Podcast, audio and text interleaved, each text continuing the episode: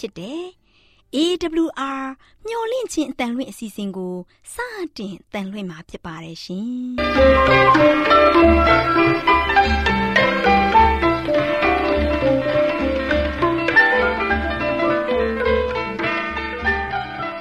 ဒေါက်တာရှင်များခင်ဗျာမျော်လင့်ခြင်းအတန်မြန်မာအစီအစဉ်ကိုနက်နက်6နိုင်မိနစ်30မှ9နိုင်အထိ16မီတာ kHz 10653ည ညပိုင်း9နိုင်မှ9နိုင်မိနစ်30အထိ16မီတာ kHz 19533ညမှနေ့စဉ်အတန်လွှင့်ပေးနေပါတယ်ခင်ဗျာဒေါက်တာရှင်များရှင်ဒီကနေ့တင်ဆက်ထုတ်လွှင့်ပေးမယ့်အစီအစဉ်တွေကတော့ကျမ်းမာပျော်ရွှင်လူပေါင်းတွင်အစီအစဉ်တရားဒေသနာအစီအစဉ်အထွေထွေဘုဒ္ဓအစီအစဉ်တို့ဖြစ်ပါတယ်ရှင်ဒေါက်တာရှင်များရှင်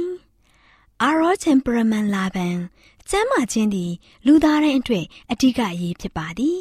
ဒါကြောင့်ကိုရောစိတ်ပါကျမ်းမာစေဖို့ယင်ကျမ်းမာခြင်းတရင်ကောင်းကို တင်ဆက်ပေးလိုက်ပါတယ်ရှင်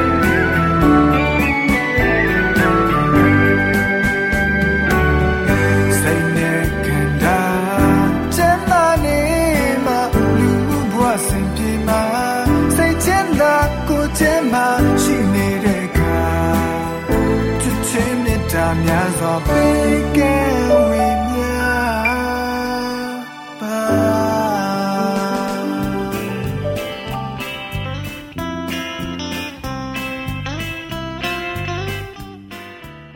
ော်တရှင်မိတ်ဆွေများရှင်လူသားတို့အသက်ရှင်ရေးအတွက်အစာအာဟာရကိုမျှဝဲစားတောက်နေကြရတယ်ဆိုတာလူတိုင်းအသိပါပဲဒီလိုမျှဝဲစားတောက်ကြတဲ့အခါစားတောက်မှုမမှန်ကန်တာတွေစားတောက်မှုအချိန်မတော်တာတွေကြောင့် ကျန်းမာရေးထိခိုက်လာလို့ယောဂဗျာတွေတိုးပွားပြီးဒုက္ခဝေဒနာတွေခံစားကြရတာပေါ့ဒါကြောင့်အစာအာဟာရတွေကိုကျန်းမာရေးနဲ့ညီညွတ်အောင်ဘယ်လိုစားတောက်သင့်တယ်လဲဆိုတာသိရှိဖို့အတွက်ကျမတို့မျိုးလင့်ချင်းအတမထုတ်လွှင့်ပေးမဲ့အစာအာဟာရဆိုင်ရာအကြံပေးချက်တွေကိုလေ့လာမှတ်သားကြပါစို့သောတာရှင်များရှင်ဒီနေ့အစာအာဟာရဆိုင်ရာအကြံပေးချက်ကဏ္ဍမှာအာဟာရနဲ့ဝိညာဉ်ရေးချုပ်တီးမှုမရှိခြင်းဆိုတဲ့အကြောင်းနဲ့ပတ်သက်ပြီး တင်ပြပေးမှာဖြစ်ပါတယ်ရှင်သောတာရှင်များရှင်ဘာသာတရားရှိတယ်ဆိုတဲ့လူအပေါင်းတို့ဟာခန္ဓာကိုယ်ကျန်းမာရေးကိုလစ်လျူရှုမနေကြပါနဲ့ချုပ်တီးမှုမရှိခြင်းဟာအပြစ်မဟုတ်ပါဘူးဝိညာဉ်ရေးကိုလည်းမထိခိုက်စေပါဘူးလို့မကြွားဝါကြပါနဲ့ကိုယ်ခန္ဓာနဲ့စိတ်ဝိညာဉ်တို့ရဲ့တဘာဝနှစ်ခုအကြားမှာအင်မတန်မှရင်းနှီးတဲ့ဆက်နွယ်မှုရှိနေပါတယ်ကျမတို့ရဲ့မိဥဖဦးဖြစ်တဲ့အာဒါနဲ့အေဝါတို့ရဲ့ချုပ်တီးမှုကင်းမဲ့ခြင်းကြောင့် အေဒင်ဥယျင်ကြီးကိုလက်လွတ်ဆုံးရှုံးခဲ့ရတယ်ခတ်သိမ်းသောအရာတို့မှာချုပ်တီးခြင်းဟာအေဒင်ဥယျင်ကိုပြန်လည်ရရှိခြင်းနဲ့ကျမတို့ထင်တာထက်ပိုပြီးတော့ပတ်သက်နေပါတယ်ကျမ်းမာရေးစည်းမျဉ်းတွေကိုချိုးဖောက်ခြင်းဟာဖျားသခင်ရဲ့ပြည့်ညတ်ကိုလွန်ကျူးခြင်းဖြစ်ပါတယ်။ကျမတို့ကိုအစပြိုးပေးတဲ့ပုဂ္ဂိုလ်မှာဖန်ဆင်းရှင်ခရစ်တော်ဖြစ်ပါတယ်။ခရစ်တော်ရှင်ဟာလူရဲ့ခန္ဓာကိုယ်ကိုဖန်ဆင်းတော်မူခဲ့တယ်။ကိုရောဟာပြည့်ညတ်တော်ရဲ့အရှင်ဖြစ်တယ်လို့ ကျမ်းမာရေးစည်းမျဉ်းတွေကိုလည်းပေးအပ်ခဲ့သူဖြစ်ပါတယ်။ဒါကြောင့်ကျမ်းမာရေးနဲ့ပတ်သက်တဲ့စည်းမျဉ်းတွေကိုဂရုမထားတဲ့လူသားတွေဟာထာဝရဘုရားသခင်ကိုအပြစ်ပြုနေကြပါတယ်။ခရစ်တော်ကိုချစ်ပါတယ်လို့ပြောဆိုနေကြတဲ့သူတွေဟာလည်းမိမိတို့ကိုအသက်ပေးကယ်တင်ခဲ့တဲ့ဖယားရှင်ကိုယိုသေးလေးစားမှုမရှိကြပါဘူး။ဖယားရှင်ကိုမယိုသေးမလေးစားအတိအမှမပြုကြပါဘူး။ကျမ်းမာရေးစီးမြင်တွေကိုဖောက်ဖျက်ခြင်းကြောင့် မိမိတို့ရဲ့ခန္ဓာကိုယ်ကိုကျမ်းမာရေးချို့တဲ့စေခြင်းဖြင့်အဲ့ဒီအချက်ကိုထင်ရှားစေပါတယ်။တဘာဝတရားကိုစင်ဆက်မပြတ်ချိုးဖောက်နေခြင်းဟာဖျားသခင်ရဲ့ပြည့်ညတ်ကိုစင်ဆက်မပြတ်ချိုးဖောက်နေခြင်းဖြစ်ပါတယ်။နေရာတကာမှာတွေ့မြင်နေရတဲ့ယောဂဗျာတွေကိုယ်အင်္ဂါချွတ်ယွေ့မှုတွေအိုနာကြိုးကန်းခြင်းတွေနဲ့မိုက်မဲမှုတွေဟာကဘာကြီးကိုအနှိဋ္ဌာယုံအိမ်ကြီးတအိမ်တို့ဖြစ်စေခဲ့ပါတယ်။အခုခေတ်မျိုးဆက်တွေဟာလည်းပဲ ကိုယ်စိတ်ဝိညာဉ်တကိုးအစွမ်းတွေချွတ်တက်နေကြချွတ်တက်နေကြတဲ့သူတွေသာဖြစ်ပါတယ်။ကြာဆုံးနေတဲ့လူသားတွေကဖျားသခင်ရဲ့ပြည့်ညတ်တော်ကိုချိုးဖောက်နေတဲ့အတွက်ကြောင့်မျိုးဆက်တစ်ခုပြီးတစ်ခုမနစ်မြို့စရာဆက်ဆုပ်ဖွယ်ရာတွေဟာ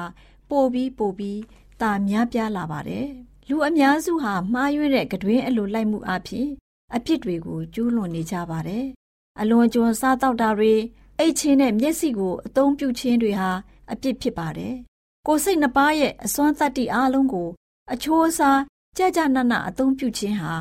စိတ်နှလုံးဝမ်းမြောက်မှုကို ဖြစ်စေပါတယ်။အဲ့ဒီအစွမ်းတတ္တိတွေကို အစစ်မြင့်တင်မွမ်းမာလေးလေးဝမ်းမြောက်မှုဟာလည်းပဲပို့ပြီးတော့တန့်စင်လေးလေးဖြစ်ပါတယ်။သောတရှင်များရှင်လူသားမိသားစုတွေမှာဖြစ်ပေါ်နေတဲ့နာမကျန်းမှုအများစုမှာ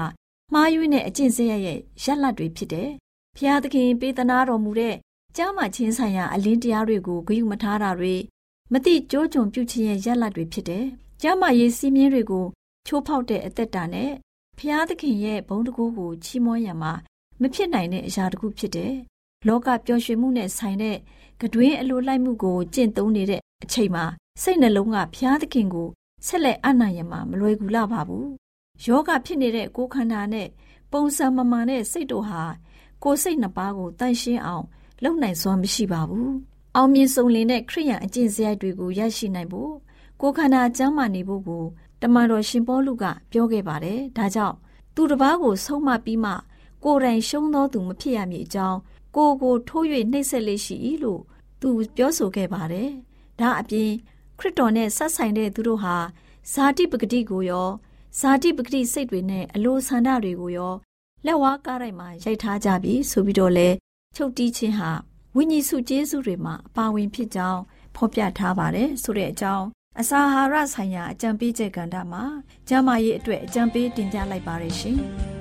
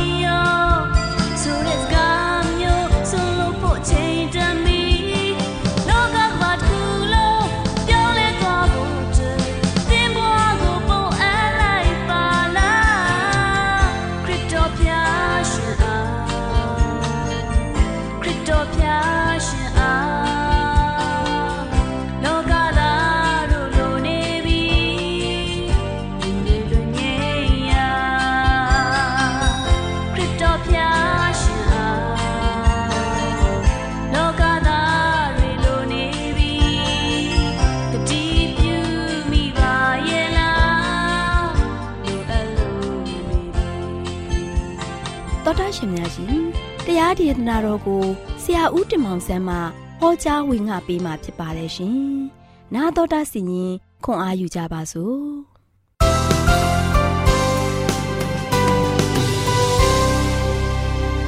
ကျွန်တော်ဓမ္မမိတ်ဆွေများမင်္ဂလာပါလို့ရှေ့ဆောင်နှုတ်ခွန်းစတာကြပါတယ်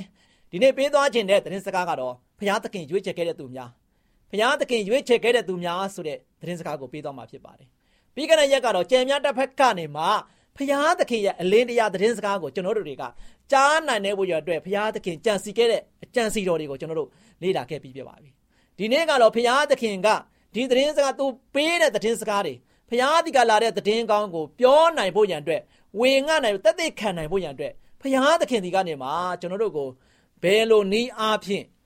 သူ့ရဲ့လူသားတွေဒီမှာသတင်းကောင်းပေးနေတယ်ဆိုတာကိုကြားနာမှာဖြစ်ပါတယ်။ဒါကြောင့်ဘုရားသခင်ရွေးချယ်ခဲ့တဲ့သူများထံကနေမှကျွန်တော်တို့ သတင်းကောင်းကိုဆက်လက်ပြီးတော့ကြားနေရတာဖြစ်ပါတယ်။ဘုရားသခင်ကလူသားတွေအတွက်မိမိရဲ့မေတ္တာနဲ့အကြံစီတော်ကိုဖော်ပြဖို့ရန်အတွက်သူအားကိုယုံကြည်ရတဲ့ကိုယ်စလဲယောက်ျားမိန်းမတွေကိုရွေးချယ်ခဲ့ပါတယ်။နော်ဘုရားသခင်ရွေးချယ်ခဲ့တဲ့ပုံကိုယ်တွေထဲမှာမောရှေမေရီအန်ရှမွေလအေလိယဟုထတို့ပြီးလို့ရှိရင်ဒီဘိုးရာဟေရှာယတောင်းမလဲယေရမိနဲ့အခြားသောသူများပါဝင်ခဲ့ပါတယ်ပရောဖက်နဲ့ပရောဖက်များပရောဖက်မများတို့ရှိရင် ဖျားသခင်ရဲ့ကိုယ်စလယ်နေနဲ့ပြောင်းရေးဆိုခွင့်ရှိသူတွေဖြစ်ခဲ့ပါတယ်ဒါကြောင့်အဲ့ဒီနီးအားဖြင့်တင့်ကိုငါချစ်တယ်တင့်ကိုငါကြိုးဆိုင်တယ်တင့်ကိုကုညီရငါမှတို့ချင်းအကြံစီရှိတယ်လို့ဖျားကပြောနေပါတယ်မိတ်ဆွေဒါကြောင့်သခင်ဖျားနဲ့ကျမ်းစာတဲ့ကပုံကိုယ်တွေတွေ့ဆုံတဲ့စကားစကားဆိုရှင်စကားအကြောင်းဟာဆိုရှင်ကျမ်းစာထဲမှာအတော်များများမှတ်တမ်းနေထားပါတယ်ဒါပေမဲ့အေဒင်ဥယျာဉ်ထဲမှာ ဖျားသခင်ကအာဒံနဲ့အေဝါကိုစကားသမီးပြောရင်းနဲ့မိတ္တဟာယဖွဲ့ခဲ့တာတွေကိုနဲ့တော့မတူပါဘူးတခါတရံမှာဖျားသခင်ကဆိုရှင်တန်ရှင်းသောဝိညာဉ်တော်အားဖြင့်၎င်းတခါတရံမှာဆိုရှင်တန်ရှင်းတဲ့ကောင်းကင်တမန်တွေအားဖြင့်၎င်းတခါတရံမှာမိမိရဲ့တမန်အဖြစ်ရွေးချယ်တော်မူခဲ့တဲ့သူများနဲ့တဆင့်စကားပြောခဲ့ပါတယ်။ဒါကြောင့်လူသမိုင်းရဲ့ပထမအချိန်တွင်းမှာဆိုရှင်ဖယားသခင်ကနေလာတဲ့ဗျာဒိတ်တော်ကိုရေးသားတဲ့ မှတ်တမ်းတင်ထားတဲ့အထောက်အထားတွေရှာဖွေတွေ့ရှိခြင်းမရှိခဲ့ပါဘူး။ဘာကြောင့်လဲဆိုတော့ဖယားဒီကမှလာတဲ့စကားတွေကိုဓာတ်ရိုက်ပဲဖယားသခင်ခန့်အပ်ထားတဲ့ပရောဖက်ပရောဖက်မများတို့ရှိရင်ပြောပြခဲ့တယ်အသေးသူသေးသားတွေကိုပြောပြတယ်ဘုရားရဲ့နောက်လိုက်တွေကိုပြောပြတယ်သူတို့ကဘုရားထံကလာတဲ့အရာတွေအားလုံးယူပါယုံအားဖြင့်တော့ကောင်းတန်ရှင်းသောမြင့်တော်အားဖြင့်ဘုရားပေးခဲ့တဲ့သတင်းကောင်းတွေကိုလက်ဆင့်ကမ်းပြီးတော့ဓာတ်ရိုက်ပဲပြောတယ်ဒီတော့ကြောင့်ရေးသားထားခြင်း မှတ်တမ်းတင်ထားခြင်းတော့မရှိပါဘူးဒါကြောင့်ဘုရားရဲ့အကြောင်းကိုတုံသင်ခြင်းခံရတဲ့သူများဆိုရှင်ဘုရားထံမှသတင်းစကားကိုနှုတ်စကားအားဖြင့်ဝင်ငါခဲ့ကြပါတယ်ချစ်တော်မိတ်ဆွေတို့ဘုရားသခင်ကမိမိလူတို့နဲ့ဆက်သွယ်ရမှာအတုံးများဆုံးနီးလန်းကတော့တန်ရှင်သောဝိညာဉ်တော်လှုပ်ရှားခြင်းဖြင့်ပရောဖက်ပရောဖက်မများဟာဖျားသခင်အတွက်စကားပြောတဲ့နီလန်ပဲဖြစ်ပါတယ်။ဒါဟာအောစရာမဟုတ်ပါဘူးချစ်တော်မိတ်ဆွေ။ကျမ်းစာမှာဆိုရှင်အတိလင်းဖော်ပြထားတာကတော့အကယ်စင်စစ်ထာဝရဘုရားသည် မိမိကျွန်ပရောဖက်တို့အားဖြင့်မဖော်မပြပဲဘယ်အမှုကိုများစီရင်တော်မမူဆိုပြီးတော့အာမုတ်ခန်းကြီး3အငယ်ခုနှစ်မှာဆိုရှင်ဖော်ပြထားပါတယ်။ဆက်ပြီးတော့ပရောဖက်များကဆိုရှင်ဘယ်လိုနည်းအားဖြင့်ဖျားစကားကိုလက်ခံကြတယ်လေဆိုတာလေ့လာမှတ်သားကြပါစို့ရှင်ပေတုတို့ဩရာစာဒုတိယဆောင်ခန်းကြီး1ငွေ27မှာအကြောင်းမူကအနာဂတ်စကားသည်လူအလိုအားဖြင့်ဖြစ်ဖို့သည်မဟုတ်ဖျားသခင်ဤတန်ရှင်တော်သူတို့သည် တန်ရှင်တော်ဝိညာဉ်တော်ဤတိုက်တွန်းတော်မူခြင်းကိုခံရ၍ဟောပြောကြ၏တဲ့ချစ်တော်မိတ်ဆွေတို့နောအေးလက်ထက်ရေလွှမ်းမိုးခြင်းမတိုင်မီမှာချိန်ကလေးကဖျားသခင်ရဲ့ပရောဖက်တွေရှိခဲ့ပါတယ်။ဒါကြောင့်ယူတော်ဩရာစာခန်းကြီး14အငယ်15မှာအေးနောက်ကခရစ်တော်ဒုတိယအကြိမ်ကြွလာခြင်းအကြောင်းကိုကြေညာခဲ့တယ်။အာဒံမှဆင်းသက်၍ခုနှစ်ဆက်မြောက်သောအေးနောက်ကဆိုရှင် အတိုင်းမသိများစွာသောမိမိရဲ့တန်ရှင်းသူတို့နဲ့တကွာကြွလာတော်မူမယ်ဆိုပြီးတော့ဟောကြားခဲ့တယ်။အေးနောက်ဟာပထမဆုံးပရောဖက်ပြုသူဖြစ်ကြောင်းကျမ်းစာမှာတို့ရှင်ဖော်ပြထားပါတယ်။ဒါပေမဲ့အခြားပရောဖက်များလည်းရှိပါတယ်။တမန်တော်ဝိတ္ထုခန်း3ငွေ27မှာကျမ်းစာကပြောထားပါတယ်။ကဘာဦးမှစ၍တန်ရှင်သောပရောဖက်ဆရာတို့ကိုနှုတ်ဖြင့်ဖျားသခင်ဗျာဒိတ်တော်မူ၏။ ကဘာကြီးကိုရေလွှမ်းမိုးပြီးတော့ဖျက်ဆီးမဲ့အကြောင်းအခြားပရောဖက်တဦးဖြစ်တဲ့နောအေးကဆိုရှင်နှစ်ပေါင်း120ကျော်ပြီးတော့ဟောခဲ့ပါတယ်ရေလွှမ်းမိုးပြီးတဲ့နောက်မှာပရောဖက်ပရောဖက်မများဟာတို့ရှင်ပေါ်လာတာတွေ့ရှိရပါတယ်ပရောဖက်မပရောဖက်မများမှာတို့ရှင်နော်မေရီယန်တို့ဒီဘိုရာတို့ပြီးရင်ယေရမိတို့ယေစချေလနဲ့အခြားသောပရောဖက်တွေပေါ်ခဲ့တယ်နော်သူတို့ဟာဆိုချင်းဖြောင့်မတ်ခြင်းတရားကိုသင်ကြားနိုင်တဲ့ ဆရာများဖြစ်ခဲ့ပါတယ်သူတို့ဟာဆိုချင်းဘုရားသခင်အတွက်စကားပြောပြီးတဲ့ကျင့်ဝတ်ဆိုင်ရာနဲ့ဝိညာဉ်ရေးဆိုင်ရာလမ်းပြတဲ့သူများဖြစ်ခဲ့ပါတယ်ဒါကြောင့်ဘုရားသခင်ကဆိုရှင်သူ့ရဲ့အလိုတော်ကိုပရောဖက်ပရောဖက်မှများစီကိုတခါတရံယူပါယုံအားဖြင့်တော်ကောင်းတခါတရံမှာဆိုရှင်အိမ်မက်အားဖြင့်ရောနှုတ်ကပတ်တော်အားဖြင့်ရောဖော်ပြခဲ့ပါတယ်ဒါပေမဲ့တန်ရှင်းသောဝိညာဉ်တော်ကတော့အမြဲတမ်းပါဝင်နေပါတယ်ဒါချစ်တော်မိတ်ဆွေတို့ ဖခင်သခင်ကဆိုရှင်သူ့ရဲ့သားသမီးဖြစ်တဲ့ကျွန်တော်ကျမတို့ ਨੇ အမြဲတမ်းအဆက်အသွယ်ပြုခြင်းတယ်အဆက်အသွယ်ပြုခြင်းတဲ့ခါမှာဒီအဆက်အသွယ်ရဖို့ရန်အတွက်သူ့ရဲ့သားသမီးတွေကိုသူ့ထံမှလာတဲ့စကားတွေကိုကြားနိုင်ဖို့ရန်အတွက်ဘုရားသခင်ဆိုရှင်ပရောဖက်ပရောဖက်မအများကိုရွေးချယ်ခဲ့တယ်နော်ရွေးချယ်ခြင်းခံရတဲ့သူများကိုထပ်ပြီးတော့ရွေးချယ်ပြီးတော့ယုံကြည်စိတ်ထားတဲ့လူတွေကိုရွေးချယ်ပြီးတော့သူကကျွန်တော်တို့အတွက်သတင်းကောင်းကိုပြောစေခဲ့တယ်။ဖခင်သခင်ရဲ့ကြီးမားတဲ့မေတ္တာတော်ကဘလောက်ထိ မုံမြတ်တယ်လဲ။ကျွန်တော်ကျွန်မတို့ကိုဘလောက်ထိချစ်တယ်လဲ။ယနေ့ကျွန်တော်ကျမတွေကဆိုရှင်ဖခင်သခင်ထံကနေမှဝေးကွာခဲ့တယ်။ဖခင်သခင်ထံမှနေမှပြေးထွက်နေကြတယ်။သို့ပေမဲ့လည်းဖခင်သခင်ကဆိုရှင်သူ့ရဲ့သားသမီးတွေကိုပြန်လဲပြီးတော့သူ့ရဲ့ရင်ခွင်တော်ထဲမှာရောက်ဖို့ကြတဲ့ယနေ့ထိတိုင်အောင်မေတ္တာမပြတ်ဖဲနဲ့ဖိတ်ခေါ်နေပါတယ်။ဒါကြောင့်ဒီသတင်းစကားတွေကိုကြားဖို့ရန်အတွက်သူ့ရဲ့ချစ်ချင်းမေတ္တာတွေကိုသိရှိဖို့ရန်အတွက်ဖခင်သခင်ကလို့ရှိရင်သူ့ရဲ့ကိုရန်တော်များဖြစ်တဲ့ပရောဖက်ပရောဖက်မများအဖြစ်ယနေ့ကျွန်တော်တို့ကို စကားပြောခဲ့တယ်။ဒါကျွန်တော်တို့နဲ့အတူကျွန်တော်တို့ကိုနေ့တိုင်းစကားပြောခြင်းနဲ့ဖခင်ဖြစ်ပါတယ်။ညနေချင်းဆိုင်တွေ့ပြီးစကားပြောခြင်းနေပြီ။ဒါကျွန်တော်တို့ကျမတို့အားလုံးကဖခင်ရဲ့စကားတော်ကို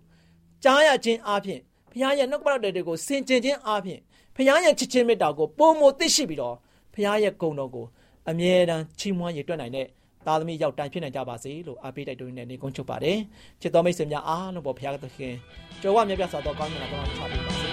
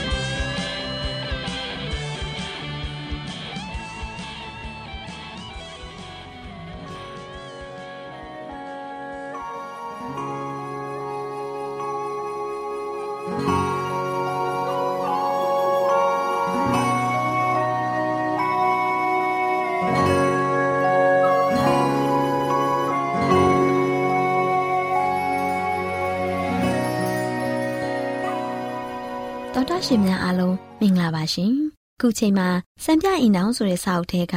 ဂုံပြိုင်တတ်သောစိတ်တဘောကိုရှောင်ကျင်ပါဆိုတဲ့အကြောင်းအရာနဲ့ပတ်သက်ပြီးတင်ဆက်ပေးခြင်းပါတယ်ရှင်တော်တာရှင်များရှင်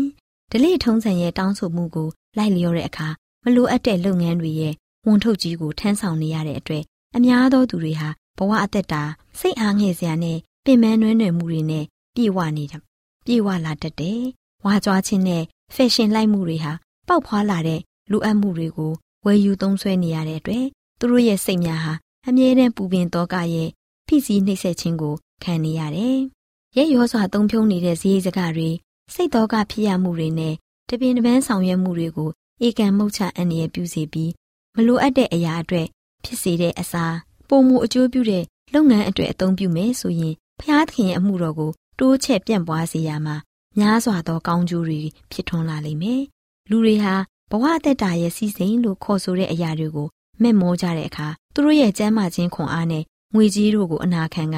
ဒီစီစဉ်ကိုရရှိရန်ကြိုးပမ်းကြတယ်။ဝတ်စားဆင်ယူမှုမှာဖြစ်စေအိမ်တော်ရေးဆိုင်ရာကုန်ကြစရိတ်များအသုံးပြုရမှာဖြစ်စေလူတွေဟာသူ့ထက်သာအောင်လူဒန်းစားအလျောက်တူးနဲ့တူးဂုံပြိုင်နေကြတာကို တွေ့ရတယ်။ဂုံပြိုင်နေကြတာကိုတွေ့ရတဲ့အတွက်ဝမ်းနည်းစရာကောင်းလာတယ်။နဝင်ချိုလာတဲ့အိမ်နောင်ဆိုတဲ့ဝေါ်ဟာရကိုအကအယံ၄ခုရှိပြီးလှပတဲ့အိမ်နောင်ပြိဘောကအဆောင်အယောင်ပစ္စည်းများနဲ့ပြည့်ရှံနေတဲ့အဆောက်အုံဆိုတဲ့ဒိဗယ်မျိုးကိုပေါ်လွင်စေကအဆောက်အုံထဲမှာနေထိုင်လက်ရှိတဲ့အိမ်သားတွေဟာဘဝအသက်တာရဲ့ကဏ္ဍအမျိုးမျိုးထုံနှန်းစင်လာအရာလိုအပ်နေတဲ့အရာတွေကိုထားရှိနိုင်မှုအတွက်အမြဲတစေတမဝါယမစိုက်ထုတ်လုပ်ကင်နေကြရတယ်။လူအများတို့အထင်မြင်ကြီးစေရန်စူးစမ်းအားထုတ်ပြုလုပ်နေရတဲ့အတွက်အများသောသူတွေဟာအိမ်တော်မှုဘဝအသက်တာမှာ ပျော်ရွှင်မှုမရရှိကြဘူး။လူတကာအားအထင်ကြီးစေရန်သူတို့ရဲ့အပေါင်းအသင်းရောင်းရင်းတွေဒါမှမဟုတ်သူတို့ကိုယ်တိုင်ကိုဖြစ်စေသူတို့ရဲ့စီးပွားရေးကိုဖြစ်စေအမှန်အားဖြင့်လုံးဝဂရုမစိုက်ကြသောသူတို့ရဲ့ချီးကျူးပြောဆိုမှုကိုခံရစေရန်မြောက်များစွာသောငွေကြေးများနဲ့လှုပ်အားကိုအတိုင်းအတာမရှိအသုံးပြုကြတယ်။ဈေးနှုန်းကြီးမြင့်တဲ့ပြိဘောဂတွေကိုထက်လောင်းဝယ်ယူရသည့်တိုင်အောင်အလွန်အရေးကြီးတယ်လို့ယူဆထားတဲ့အိမ်အောင်ဆိုင်ရာအခင်းအကျင်းများအတွက်အသုံးဆောင်များကို တစ်ခုပြီးတစ်ခုဝယ်ယူတဲ့အတွက်မျက်စိထဲမှာအမြင်လှပြီးဝါကြွားလိုတဲ့စိတ်နဲ့ကြီးမြင့်ထင်ပေါ်လိုတဲ့စိတ်တွေရဲ့လူအင်ဆန္ဒဟာပြည့်စုံလာပေမဲ့အိမ်အောင်ရဲ့နှစ်သိမ့်မှုအနှဲငယ်များပြီးတိုးတက်များပြားလာမှုမရှိပါဘူးဒီຢာတွေဟာခွန်အားနဲ့တီးခံတဲ့စိတ်တွေကိုများစွာထိခိုက်ပြီးဖျားသခင်ရဲ့အမှုတော်အတွက်အသုံးပြုတဲ့နဲ့တန်မိုးရှိလာတဲ့အချိန်ကိုလည်းအလဟတ်သက်ဖြစ်စေတယ်အမှန်အားဖြင့်အရေးပါအရာရောက်တဲ့ကိစ္စတွေကိုဦးစားပေးပြီး အဖိုးအဖိုးတန်ဖြစ်တဲ့ဖျားသခင်ရဲ့ကျေးဇူးတော်ကိုကဒုတိယနေရာမှာထားရှိကြတယ်။အများသောသူတွေဟာပျော်ရွှင်မှုအတွက်ပစ္စည်းဥစ္စာတွေကိုရှာဖွေစုဆောင်းနေချိန်မှာပင်ဝမ်းမြောက်ရွှင်လန်းနိုင်တဲ့အခြေအနေမှာရက်တည်ခြင်းမရှိကြဘူး။သူတို့မျှော်လင့်ခဲ့တဲ့စိတ်ကြည်နက်မှုကိုသူတို့ကိုယ်ပိုင်ပစ္စည်းဥစ္စာများမှရရှိကြတာကိုတွေ့မြင်ကြတယ်။ဒီလိုအဆုံးမရှိတဲ့လောက်ကင်ဆောင်ရွက်မှုဧည့်သည်ဆောင်သည်များနဲ့အာဂန်တုတို့ရဲ့ချီးကျူးပြောဆိုခြင်းခံရမှုအတွက်အင်ဂေဟာကို အလှပြုပြင်ရန်စိတ်တာယာမှုကင်းတဲ့စိုးရိမ်ပူပန်မှုတို့ဟာဖြုံတီးခဲ့တဲ့အချိန်နဲ့ငွေကြေးများအတွက်ဖြုံတီးကြိုနှက်ခြင်းဘယ်အခါမှမရှိပါဘူးဒီလိုပြုလုပ်ခြင်းဟာအလွန်အခံရခက်တဲ့ကြေးကြုံဘဝဆိုင်ရာတပူးကြီးကိုပခုံးပေါ်မှာတင်ထားခြင်းသာလျှင်ဖြစ်တယ်နားဆင်ခဲ့ကြတဲ့သောထရှင်များအားလုံးပေါ်ဖတ်ပြရှင်ကောင်းကြီးပေးပါစေရှင် thank you